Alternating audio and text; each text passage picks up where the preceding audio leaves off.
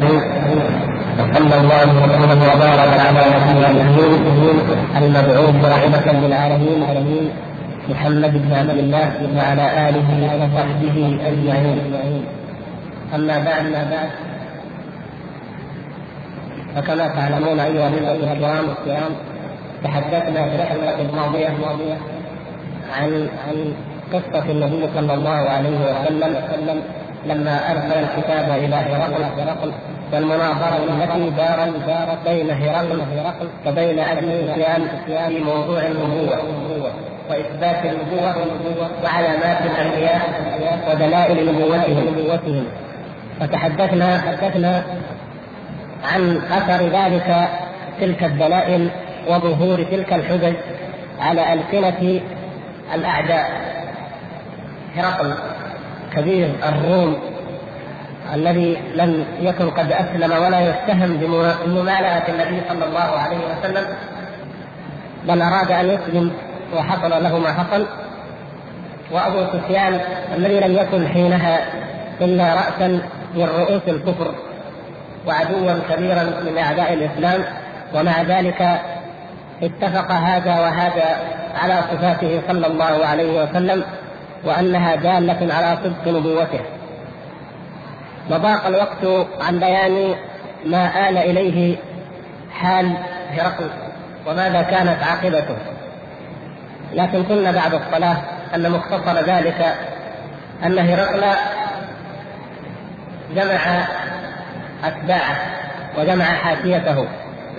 ومن يهم يهمهم هذا الأمر من رؤساء الروم في رجال السياسة ورجال الدين جمعهم جميعا في مكان واحد وأوقد الأبواب وقدم لهم وليمة ثم فاتحهم في موضوع مهم وخطير. عرفوا أهميته وعرفوا خطورته من خلال هذا الاجتماع الكبير الطارئ. وكان الإيمان قد وقر في قلب هرقل وكانت دلائل الحق قد قطعت من أخبار النبي صلى الله عليه وسلم التي جاء بها ذلك الكتاب والتي سمعها من في أبي سفيان. ولم يكن أمام فطرة هرقل إلا أن تستيقظ وإلا أن تصحو لكن الأمر لم يصل إلى حد الإيمان الذي يدفع بصاحبه بأن يبيع كل عرض من عروض الدنيا لهذا الدين بان لا يبالي بما يفوت وما يذهب عليه من موصل أو جاه وما يفوته في سبيل الإيمان بهذا الدين.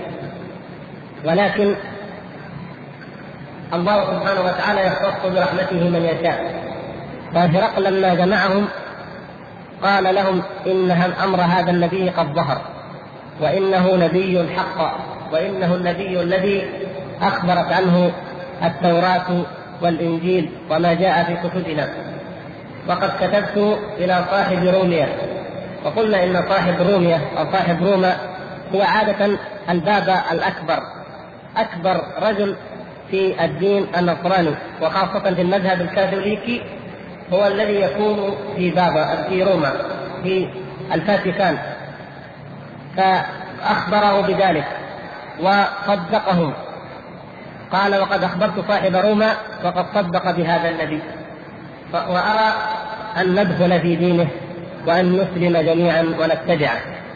فلما قال ذلك وجدها الأتباع كلمة ثقيلة جدا عليهم ورأوا أنهم بين أحد أمرين إما أن يدخلوا في الإسلام وهذا شيء لا يريدونه ولا يطيقونه ولا سيما الذين منهم في منصب وفي مرتبة دينية عظيمة يتوقعون أن يفقدوها إذا آمنوا بالنبي صلى الله عليه وسلم. فأحتاروا بين ذلك وبين أن يعلنوا مخالفتهم لهرقل. فربما أسلم وأخذهم بالقوة والعزيمة فيقتلهم أو تكون فتنة بينه وبينهم. فحاصوا وخرجوا مندفعين إلى الأبواب ليفروا من هذا المجتمع ولينفضوا من هذا اللقاء. ولكن هرقل كان قد أوصد الأبواب. فلم يجدوا منها منفذا. ولما رأى أن الأكثرية قد هربت وذهبت الأبواب لتخرج منه وهو في قلة القلة التي لو آمنت لما كان لها دور أو قيمة حينئذ آثر هرقل الدنيا على الآخرة واختار الكفر على الإيمان واختار المنصب والملك على الهداية والرشاد فقال لهم عودوا عودوا إنما قلت ذلك لأختبر إيمانكم. وأختبر قوة عقيدتكم فما دمتم بهذه القوة فلا خلاف. فرجعوا جميعا وترك الموضوع وذهب في موضوع آخر. ومع ذلك بقي في نفسه رقم أن هذا النبي على حق وأنه سوف ينتصر. ولهذا لما جاءه جيش أبي عبيدة رضي الله تعالى عنه ودخلوا إلى دمشق وكان هو في حمص وتقدموا إلى حمص خرج هرقل من حمص وقال سلام عليك يا سوريا سلام لا لقاء بعده. فإنه كان يعلم أنه ما قاله لأبي سفيان عندما قال ليبلغن ملكه ما تحت قدمي هاتين سوف يتحقق وسوف يبلغ ذلك. ورحل من سوريا وتركها التي هي بلاد الشام. وأما صاحب روميا الذي كان يعتبر القسيس الأعظم فإنه دخل في الإسلام فأعلن إسلامه أمامهم فتناوشوه بالسيوف فقطعوه فكانت شهادة له عند الله بإذن الله. فهذا هذا آخر ما آل إليه الخبر. والشاهد منه أيها الإخوة أننا نعلم أن هذا العدو أن هذا العظيم الإمبراطور عظيم الروم وهو عدو للإسلام وعلى دين آبائه وقومه أنه أسلم وآمن بالنبي صلى الله عليه وسلم من خلال ما يعرفه من صفات النبوة التي جاءت في الكتب المنزلة والتي طابق وصف النبي صلى الله عليه وسلم وصفها. فلم ير هرقل آية من آيات النبي صلى الله عليه وسلم. لم ير انشقاق القمر. لم يرى الماء وهو ينبع من بين أصابعه صلى الله عليه وسلم. لم يرى الطعام وهو يفرغ من القدر فيكفي المئات بينما هي طبقت لأفراد. لم يرى النبي صلى الله عليه وسلم وهو يعطي سهمه في الحديبية فيوضع في البئر فإذا الماء يفور منها بعد أن كانت ضحضاحا قليلا. كثير جدا من الآيات البينات التي أعطاها الله نبيه صلى الله عليه وسلم لم يرها هرقل. وإنما جاءه هذا الكتاب فقط الموجز دعوة موجزة إلى التوحيد ثم طابق بين ذلك وبين ما وصفه به عدوه أبو سفيان عدوه في ذلك الحين فرأى أن هذا هو النبي حقا. فالشاهد من هذا أن العلم بالنبوة وثبوتها أو العلم بأي قضية أو مسألة من مسائل الاعتقاد أن لها في الإثبات طرقا يحصل بها اليقين غير الطرق التي يقولها المتكلمون وهي إما أنها معجزة آية مشاهدة خارقة أو أنها تواتر ينقله جملة عن جملة عن جملة. النبي صلى الله عليه وسلم لم يرسل إلى هرقل إلا رجلا واحدا وهو دحية الكلبي وفي في السير وفي كتب التاريخ خلافات حول هذا الموضوع هل أرسله مرتين وهل جاءه في بصرى ثم ذهب إلى الشام وهل واقع أو واقعتين؟ المهم أنه رجل واحد أرسله النبي صلى الله عليه وسلم. ولو فرضنا أنه أرسل اثنين أو ثلاثة لما كان ذلك أيضا مبلغ التواتر الذي يشترطه المتكلمون. وأول من جاء بهذه السلمة ووضعها في دين الإسلام وأراد أن يفسد بها عقائد المسلمين هما هم المعتزلة وخاصة اثنان من علماء المعتزلة. الأول منهم أبو الهذيل العلاف والآخر هو إبراهيم النظام. فالعلاف والنظام أرادا أن يهدما دين الإسلام وكان النظام برهميا كان على دين الهنود وأراد أن يهدم ملة الإسلام فأعلن الإسلام ودخل فيه وتفلسف ثم مال إلى المذهب المسمى بالإعتزال الذي كان قد أسسه واصل آه، بن عطاء وعمرو بن عبيد كما سبق شرح ذلك فيما مضى.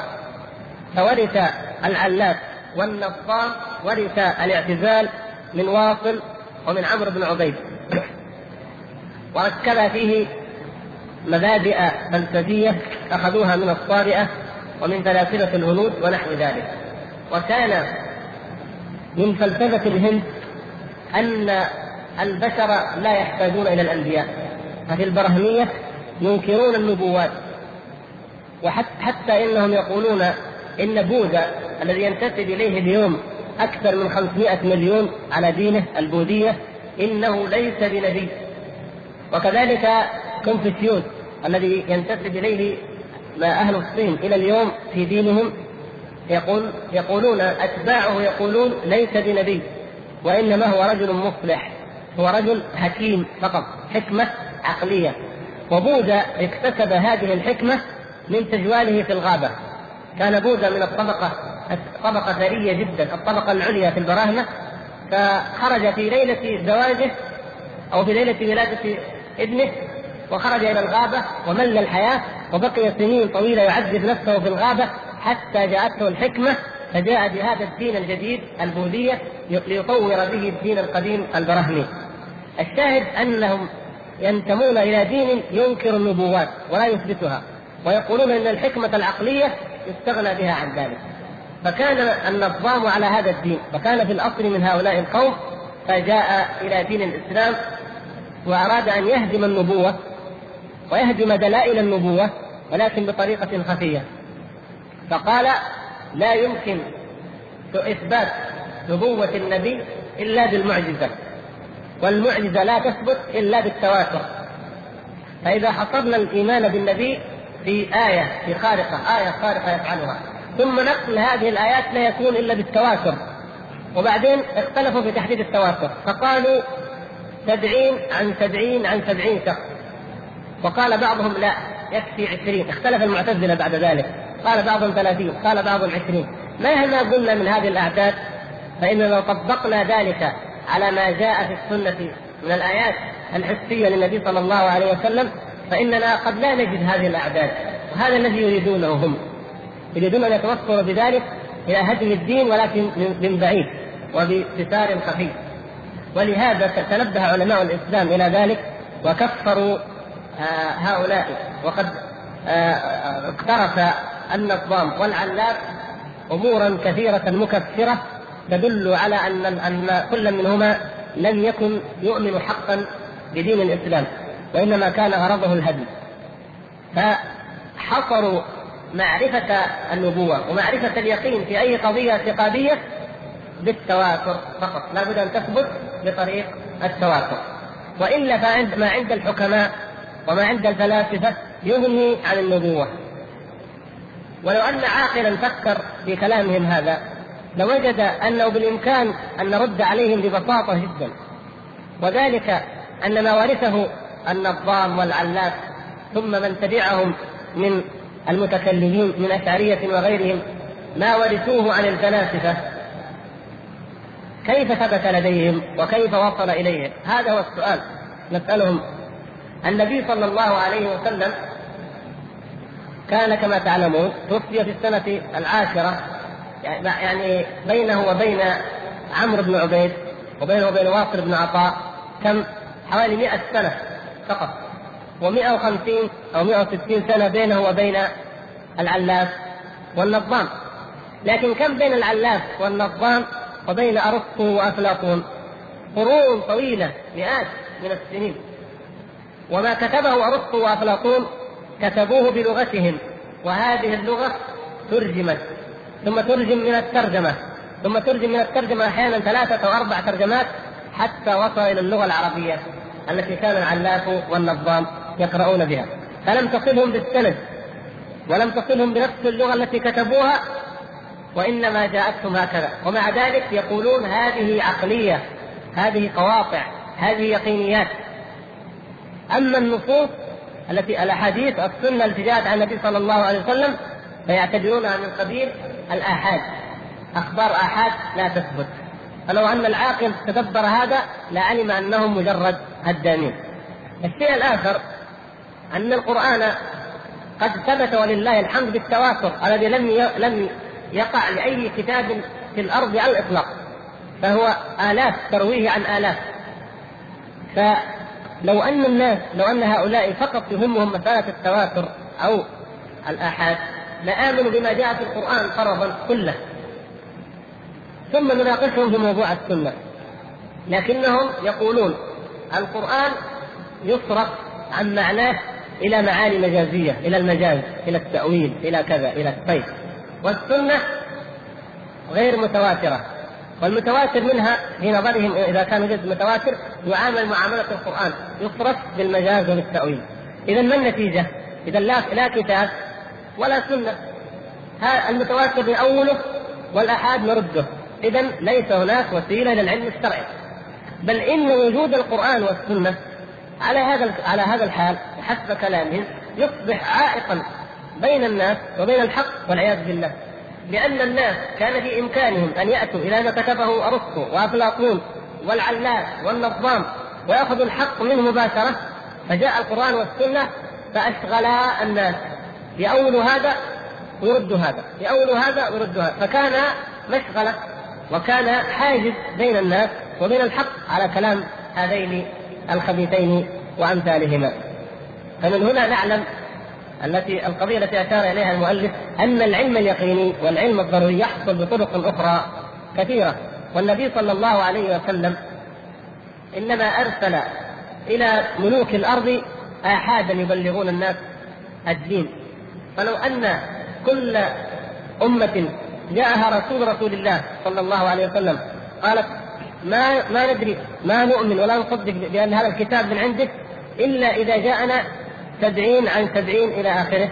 لكان هذا جنونا في عقولهم هم قبل أن يكون تكذيبا للرسول الذي أرسل هذا الرسول.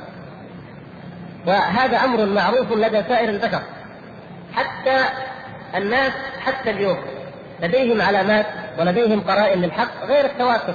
إذا جاءك كتاب من واحد أنت تعرفه أو سمعت عنه تستطيع بقرائن الحال أن تعرف أن هذا خطه وأن هذا كتابة. وتصدق بأن هذا من عنده. فلو أن الناس أخذوا هذا المبدأ وقالوا لا نتعامل إلا بما يثبت بما ينقله جمع عن جمع لكنت تحتاج إذا أردت أن تشهد على قضية أو تكتب عن مسألة أن تشهد عليها سبعين أو عشرين كما اشترط هؤلاء المتكلمون ثم بعد ذلك يكون اليقين. وهكذا فالعاقل إذا تأمل ذلك يجد أنهم مجالبون للصواب بوضوح وأن إنما كان قصدهم زندقة وهدم لدين الإسلام. ولذلك يقول ينبه المؤلف رحمه الله على شيء من كيفية حصول العلم وكيفية حصول اليقين في القلوب. مما ينبغي أن يعرف. ومما ينبغي أن يعرف أن ما يدخل في القلب في مجموع الأمور.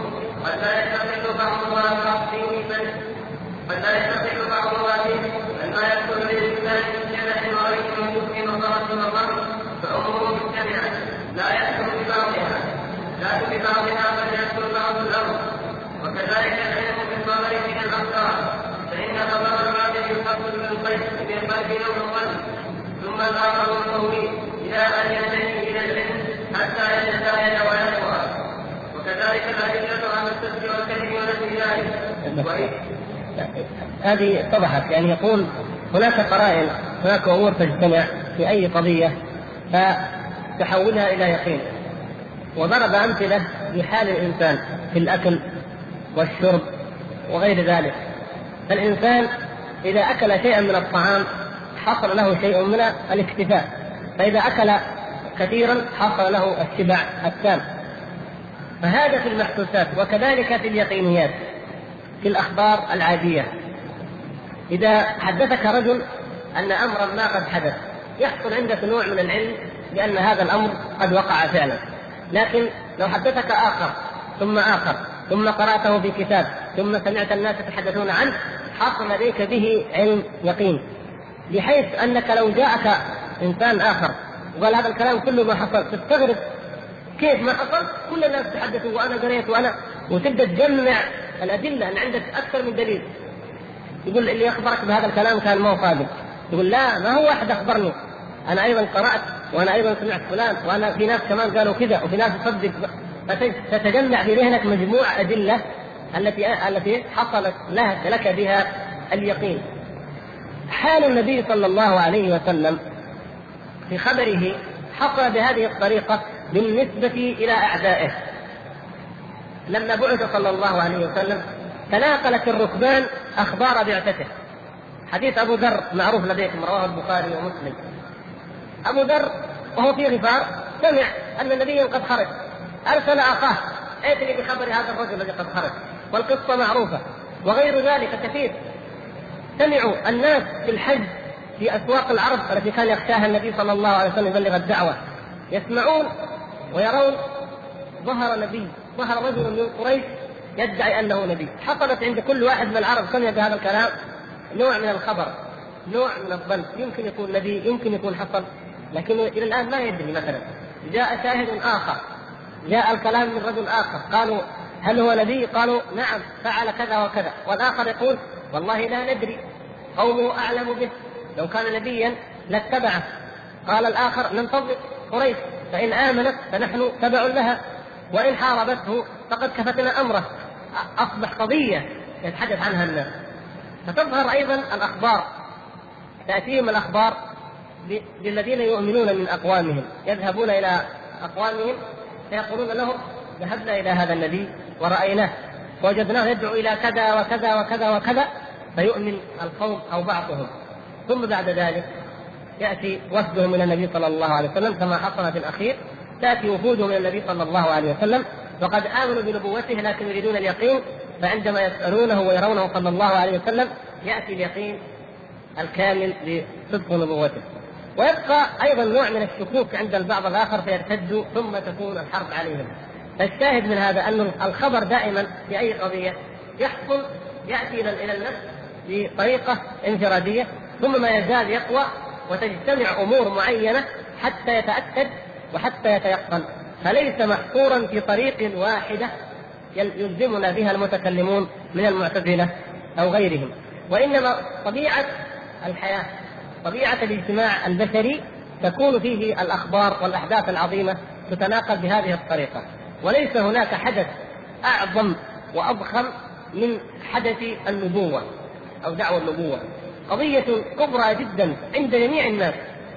فالذين بعث إليهم النبي صلى الله عليه وسلم كانوا على نوعين العرب وقضية النبوة عندهم حدث عظيم جدا لأنهم لم يبعث فيهم من نذير فخبر جديد كل الجدة لابد أن يستغرق أذهانهم في التفكير فيه.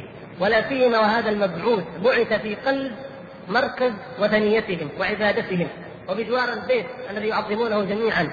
ومن نفس الأسرة التي هي أشرف الأسر والتي هي من ذرية إسماعيل عليه السلام وإبراهيم اللذين بنيا هذا البيت. إذا لابد أن يحدث لفت نظر واستجداد الأذهان بطريقة تجعلهم يفكرون. وأما الروم واليهود وأمثالهم فإن لديهم الكتب لديهم الكتب التي فيها صفات هذا النبي. وكانوا ينتظرونه ويتحينون زمانه. وقد أخبر كثير منهم بأن هذا هو زمان هذا النبي فعندما كانوا يتحسسون الأخبار كما حصل من بحيرة بحيرة الظاهر الذي كان في بصرى فكان يتحسس الأخبار يخرج من الصومعة وينزل على الطريق على طريق القوافل التجارة بين بلاد العرب وبين الروم ويقول هل ظهر نبي آخر الزمان؟ هل جاءكم أحد؟ هل أخبركم أحد؟ يتحسس حتى وجد ركبا فأخبره أنه نعم قد ظهر النبي نبي آخر الزمان.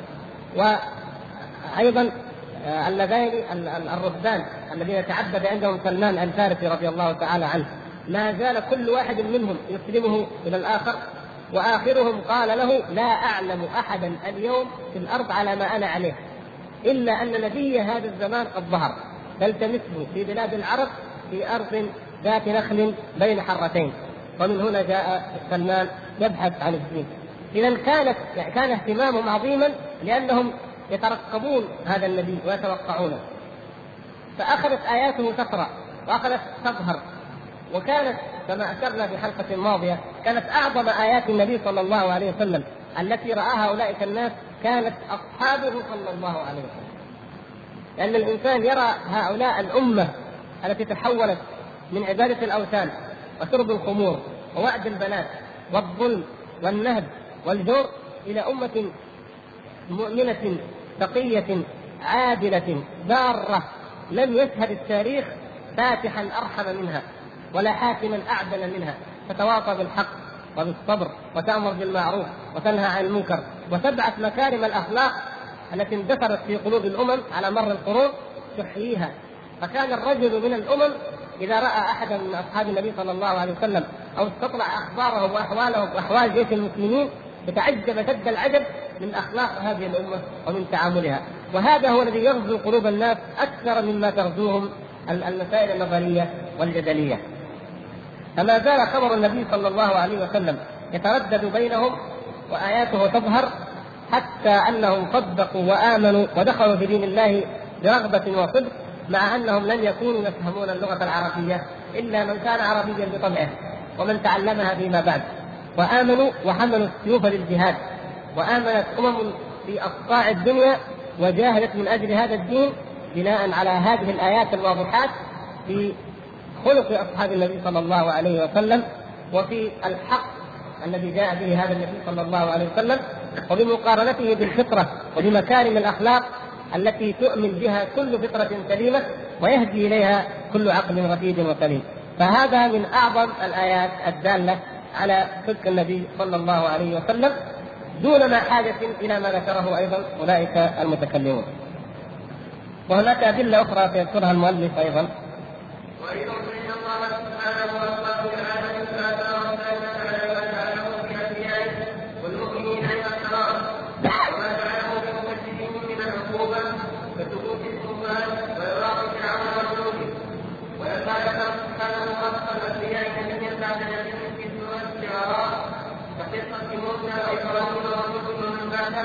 يقول في اخر سوره القصص ان في ذلك لآية وما كان اكثرهم مؤمنين وان ربك لهو العزيز الرحيم وبالجملة فالعلم فالعلم بأنه كان في الأرض من يقول إنه رسول الله وأن أقواما اتبعوه وأن أقواما خالفوه وأن الله نصر الرسل والمؤمنين وجعل الآخرة لهم وعاقب أعداءهم هو بالأقوال الحدود المتواترة وأجلاها ونقل أوزار ذلك الأمور أقل وأوفر بالنقل أسباب نفقها من الأمم من ملوك القدس وعلماء الفقه فتتراءى إلى الموت المسلمون ويسكو ويسمعون ونفس اليوم إذا علمنا بسوابهم أسواق الأنبياء ووجد منهم أعدائهم علمنا يقينا أنهم كانوا خالدين على الحق من وجوه متعددة منها أنهم أبصروا الأمم بما بما سيكون من انتصارهم الله وكيف قضى كافة لهم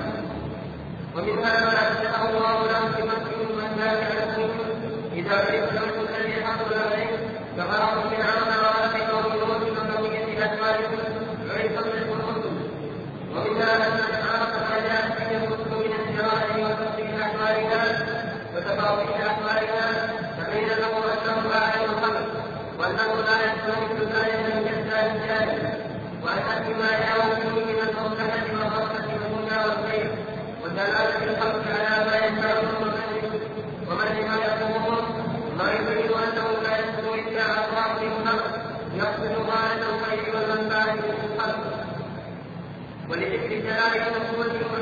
صلى الله عليه وسلم موضع آخر وقد وغيره. هنا دليل آخر من أدلة كثيرة على إثبات النبوة الأنبياء جميعا وإمكان العلم والمعرفة بها. هذا الدليل هو ما أبقاه الله تبارك وتعالى من الآثار المكتوبة أو المحفوظة أو المحسوسة للدلالة على صدق نبوة الأنبياء.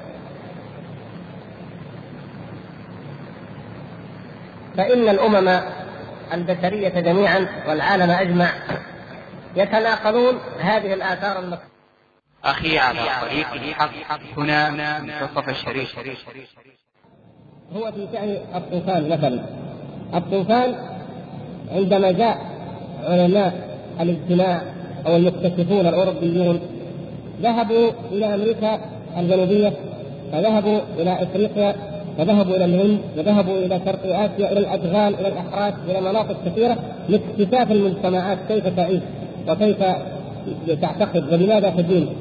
وجدوا أن جميع المجتمعات كما ذكروا كل مجتمع راوه وجدوا أنه بالإضافة إلى أنهم عندهم دين وعندهم عبادة. وجدوا أنهم يؤمنون بأن الطوفان قد عم الأرض. كل ما يحدث الناس يجدون ماذا عندكم من أخبار؟ فيقول بلغنا أو نتوارث عن آبائنا أن الماء مرة من المرات قد عم الدنيا وغرق الناس وكذا وكذا. فتعجبوا. فقالوا ما هذا؟ لكن هل اهتدوا؟ قالوا لا.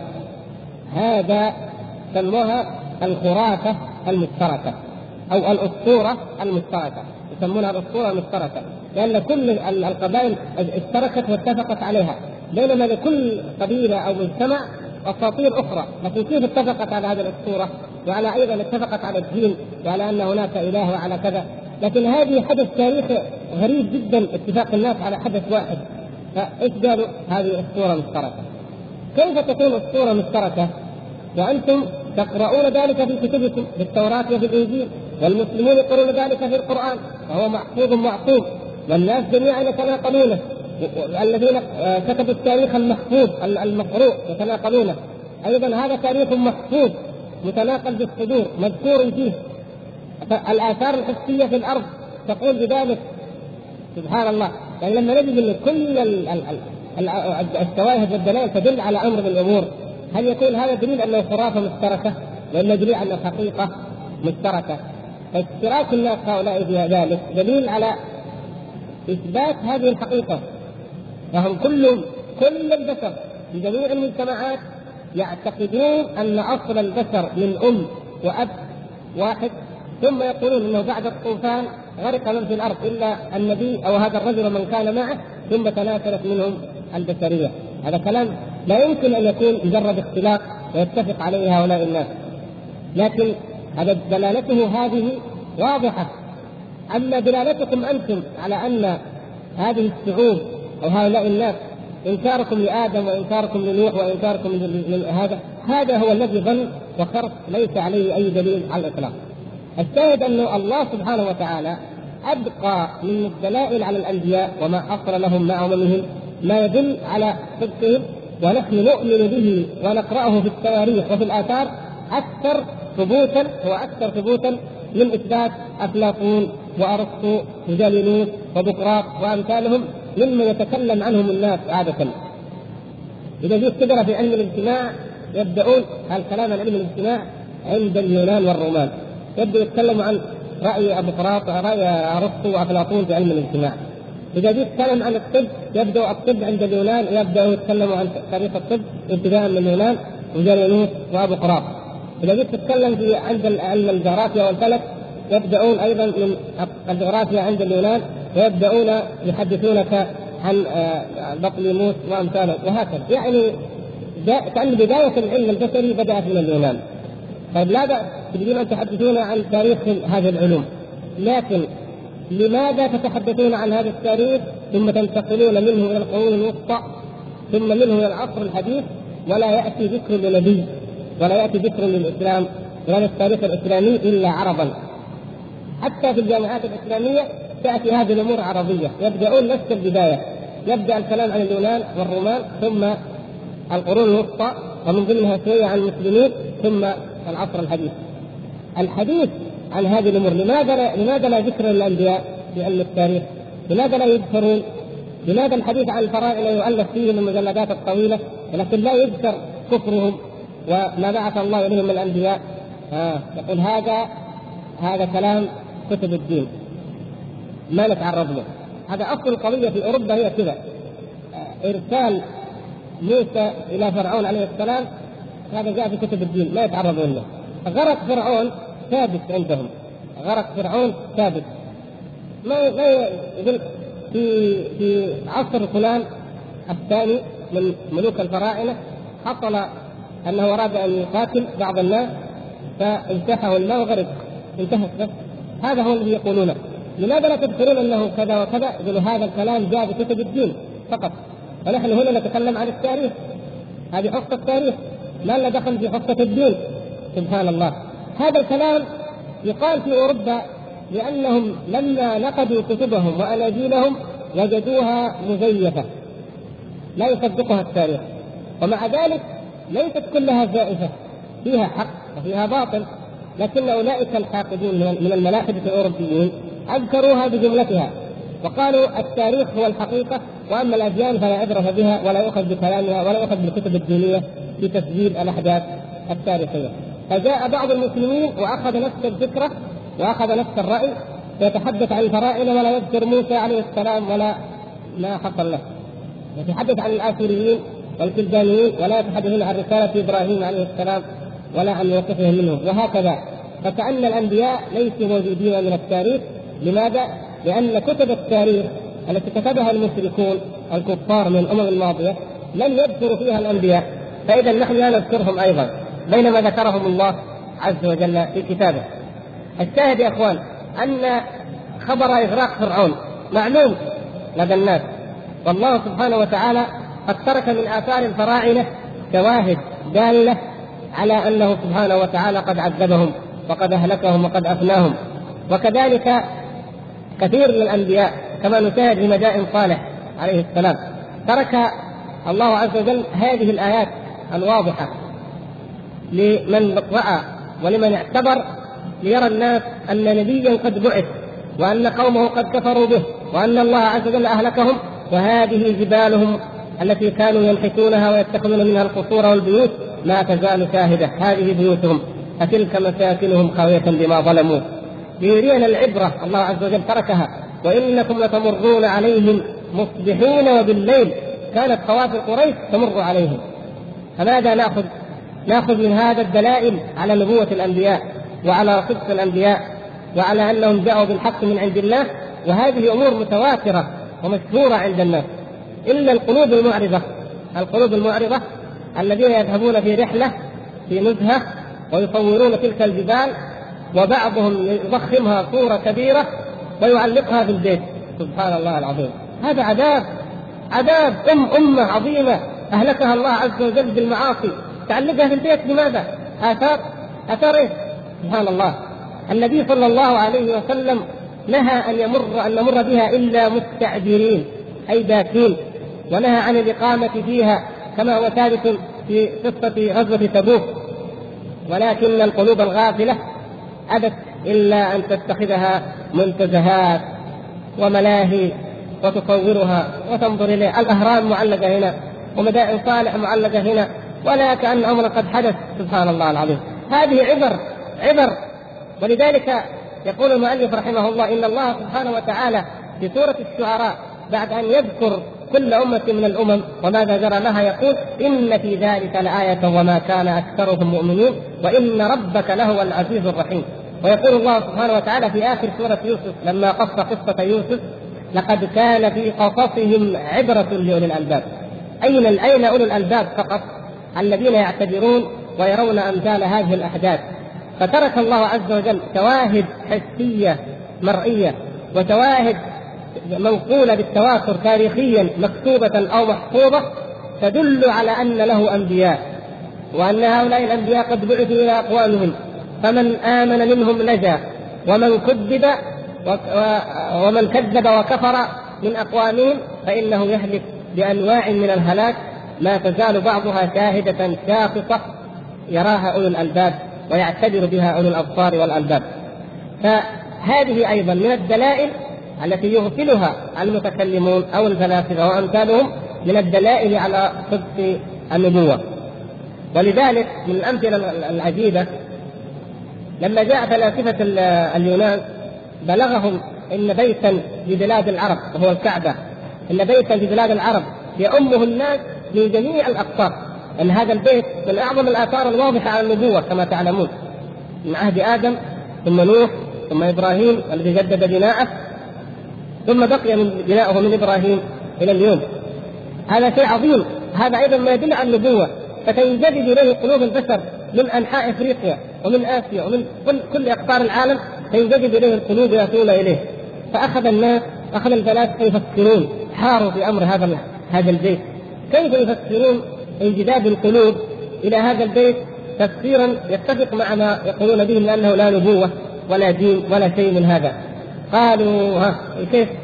قالوا إذا حجر المغناطيس موضوع تحت الكعبة لذلك ينجذب اليه الناس سبحان الله يعني الكفر يا إخوان نعوذ بالله ولو فتحنا عليهم بابا من السماء فظلوا فيه يعرجون لقالوا إنما فكره القول بل نحن قوم مسحورون. فما ليس هناك دليل لمن يريد العناد ولم يريد الكبر. قالوا حجر المغناطيس هذا، طيب من وضع هذا الحجر؟ إن كان من عند الله فلماذا ان يضعه إلا في هذا المكان؟ اذا في شيء في هذا المكان حجر يجذب القلوب عبرة هذه أيضا وإن كان بشر فلماذا وضعه في بلاد العرب؟ من هذا البشر الذي وضع هذا الحجر؟ وما هو هذا الحجر؟ ولماذا لم يضعه في الأراضي الخصبه، الأراضي المتحضرة؟ كلام لا يمكن أن يقبله العقل، لكن لأن لأن الكفار لا بد أن يتلمسوا معاذير، لا بد أن يبحثوا عن مخارج. الشاهد أن الله سبحانه وتعالى ترك من الأدلة الواضحة الجلية على إثبات نبوة النبي صلى الله عليه وسلم. والأنبياء جميعا ما يقطع لكل ذي لب بأن الناس منذ عهد آدم ومنذ أن وقع الشرك في قومه فريقين. أن الناس فريقان. مؤمنون وكافرون. وأن أصل المؤمنين وأساس إيمانهم هو بالنبوات التي يبعثها الله سبحانه وتعالى يبعث إليهم الرسل تترى أي متتابعين يأتيهم نبي ثم يأتي بعده نبي يبلغهم رسالات ربهم ويذكرهم بالله ويدعوهم إلى ما فيه صلاحهم. فلهذا يقول المؤلف رحمه الله تعالى: نحن اليوم نعلم بالتواتر من أحوال الأنبياء وأوليائهم وكذلك من حال أعدائهم ما يدل قطعا وصدقا على نبوتهم غير الأدلة التي يحصرنا فيها أولئك الناس.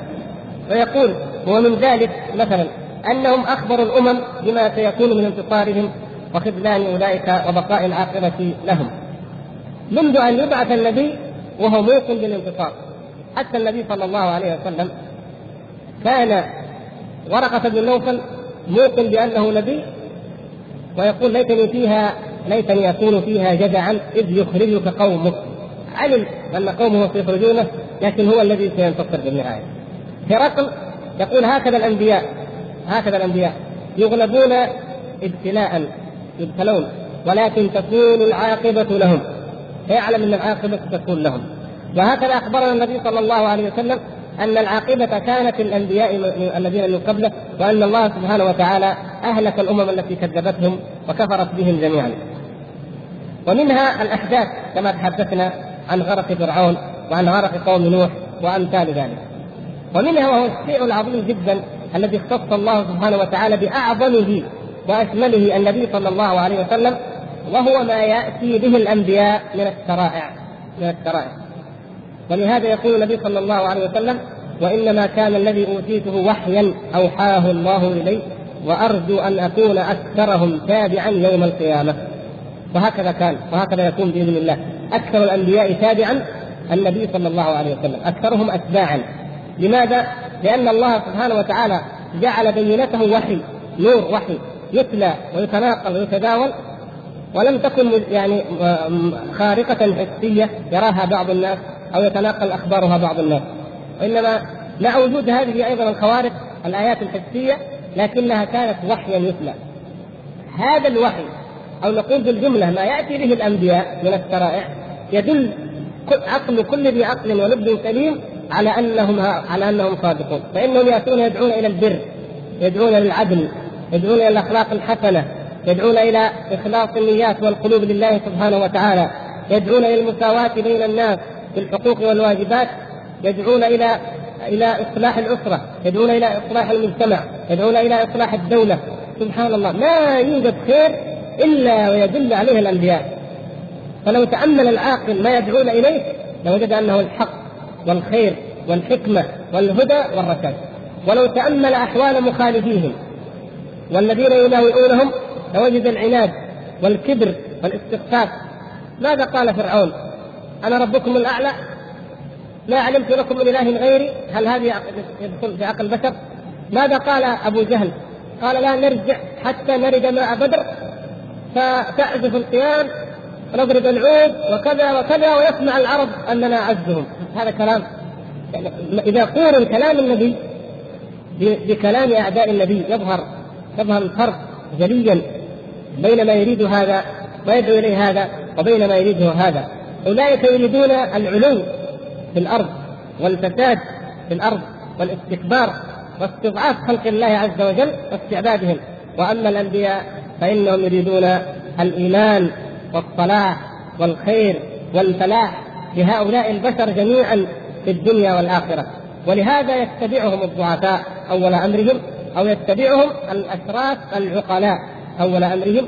أما أصحاب المناصب وأصحاب الشهوات وأصحاب الكذب والعناد فإنهم يعرضون عنهم. فهذه هذا الدليل ما يأتي به الأنبياء من الشرائع هو نفسه من الأدلة القطعية على أنهم إنما يوحون يوحى إليهم وإنما يتلقون ذلك من عند الله تبارك وتعالى فهذا أيضا من ضمن الأدلة المعلومة بالتواتر وبالقطع وبالبداهة من واقع حال الأنبياء صلوات الله وسلامه عليهم. هنا ينتقل الشارح رحمه الله تعالى إلى دليل آخر دليل آخر قوي جدا وهو الاستدلال على صدق الأنبياء وعلى حقيقة دين الأنبياء بصفات الله سبحانه وتعالى. وإن كان نكون ما ننسى إننا في أول الكتاب تحدثنا عن الاستدلال بصفات الله سبحانه وتعالى على وجوده سبحانه وتعالى وعلى إلهيته وعلى توحيده. وهنا أيضا نستدل بصفات الله سبحانه وتعالى على إثبات نبوة الأنبياء. وكثير ممن دخل في الإسلام. حتى في هذا العصر لو بحثنا عن سبب إسلامه لوجدنا أنه أسلم استدلالا بصفات الله عز وجل اولا. أول شيء يقول لا بد أن لهذا الكون إله. لا بد أن لهذا الكون خالقا. طيب. هذا الخالق لا يخلو إما أن يكون عادلا أو ظالما. سبحانه وتعالى عن ذلك. العادل ماذا يصنع؟ الإله العادل الذي ينظر يتفكر. خلق السماوات والأرض. الكواكب يقولون احتمال احتمال أن يتصادم نجمان في الفضاء مثل احتمال أن تتصادم سفينتان إحداهما في المحيط الهادي والأخرى في المحيط الاطلسي لا يمكن ابدا سبحان الله.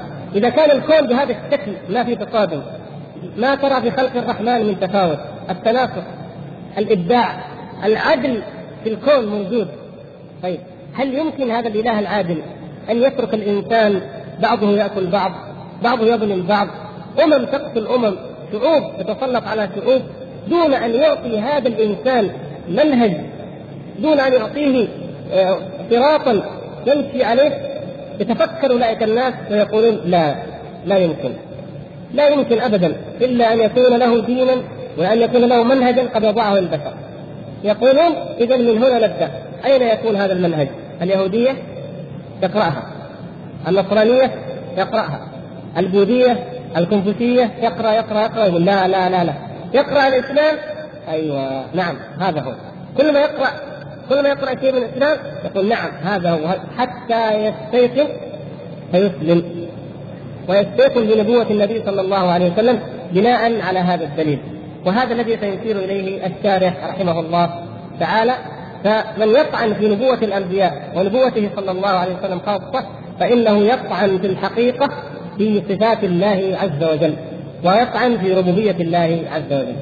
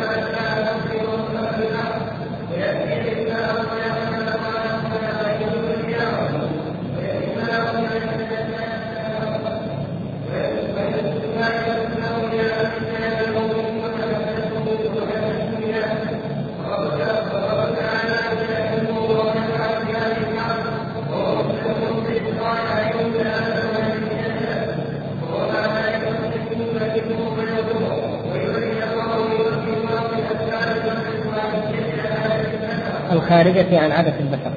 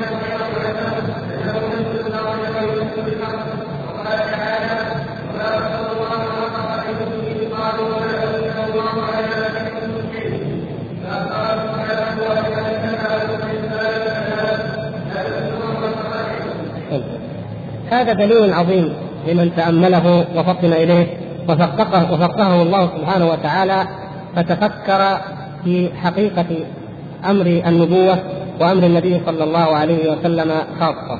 أيا كان دينه. نقول هذا للمسلم ولغير المسلم لكل إنسان أيا كان دينه وأيا كان اتجاهه. انظروا إلى هذا الرجل. يأتي فيدعي أنه نبي. يعني على فرض أن هذا ليس عند الله سبحانه وتعالى. نفترض أن هذا النبي كما يقول الكاذبون والمرجفون ليس موحى إليه من عند الله.